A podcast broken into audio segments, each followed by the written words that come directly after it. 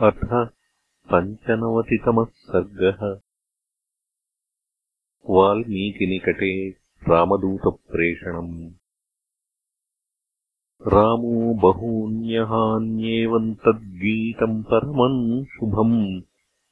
शुश्रावमुनिभिः सार्धम् पार्थिवैः सह वानरैः तस्मिन् गीते तु विज्ञाय सीतापुत्रौ कुशीलवौ तस्याः परिषदो मध्ये रामो वचनमब्रवीत्। दूतान् शुद्धसमाचारान् आहूयात्ममनीषया। मद्वचोऽब्रूतगच्छध्वम् इतो भगवतोऽन्तिकम्।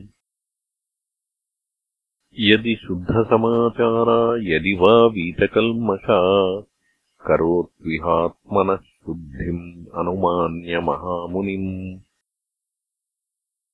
छन्दम् मुनेश्च विज्ञाय सीतायाश्च मनोगतम्। प्रत्ययम् दातु कामायाः ततः शंसतमे लघु। श्वः प्रभाते तु शपथम् मैथिली जनकात्मजा। करोतु परिषन्मध्ये शोधनार्थम् ममैव च श्रुत्वा तु राघवस्यैतत् वचः परममद्भुतम्। दूताः सम्प्रययुतुवाटम् यत्रात्ते मुनिपुङ्गवः। ते प्रणम्य महात्मानम् ज्वलन्तम् अमितप्रभम्। ऊचुस्ते रामवाक्यानि मृदूनि मधुराणि च तेषाम् तद्व्याहृतम् श्रुत्वा रामस्य च मनोगतम् विज्ञाय सुमहातेजामुनिर्वाक्यम् अथाब्रवीत्।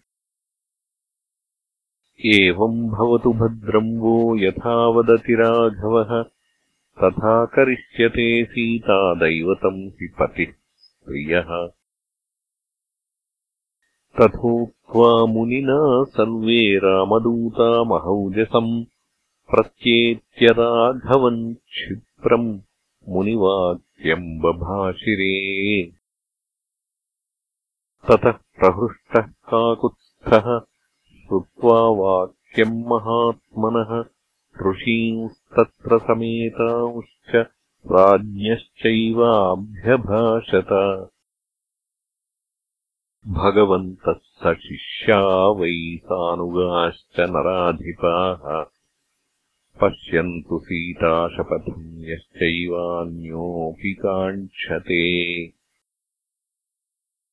तस्य तद्वचनम् श्रुत्वा राघवस्य महात्मनः सर्वेषाम् ऋषिमुख्यानाम् साधुवादो महान् अभूत्। राजानश्च महात्मानम् प्रशंसन्ति स्म राघवम्। उपपन्नम् नरश्रेष्ठत्वय्येव भुवि नान्यतः एवम् विनिश्चयम् कृत्वा को भूत इति राघवः विसर्जयामास तदा सर्वांस्तान् शत्रुसूदनः। इति सम्प्रविचार्य राजसिंहः श्वोभूतेशपथस्य निश्चयम् वै। विससर्जमुनीन् नृपांश्च सर्वान् स महात्मा महतो महानुभावः। इत्यार्षे श्रीमद्रामायणे वाल्मीकीये आदिकाव्ये उत्तरकाण्डे पञ्चनवतितमः सर्गः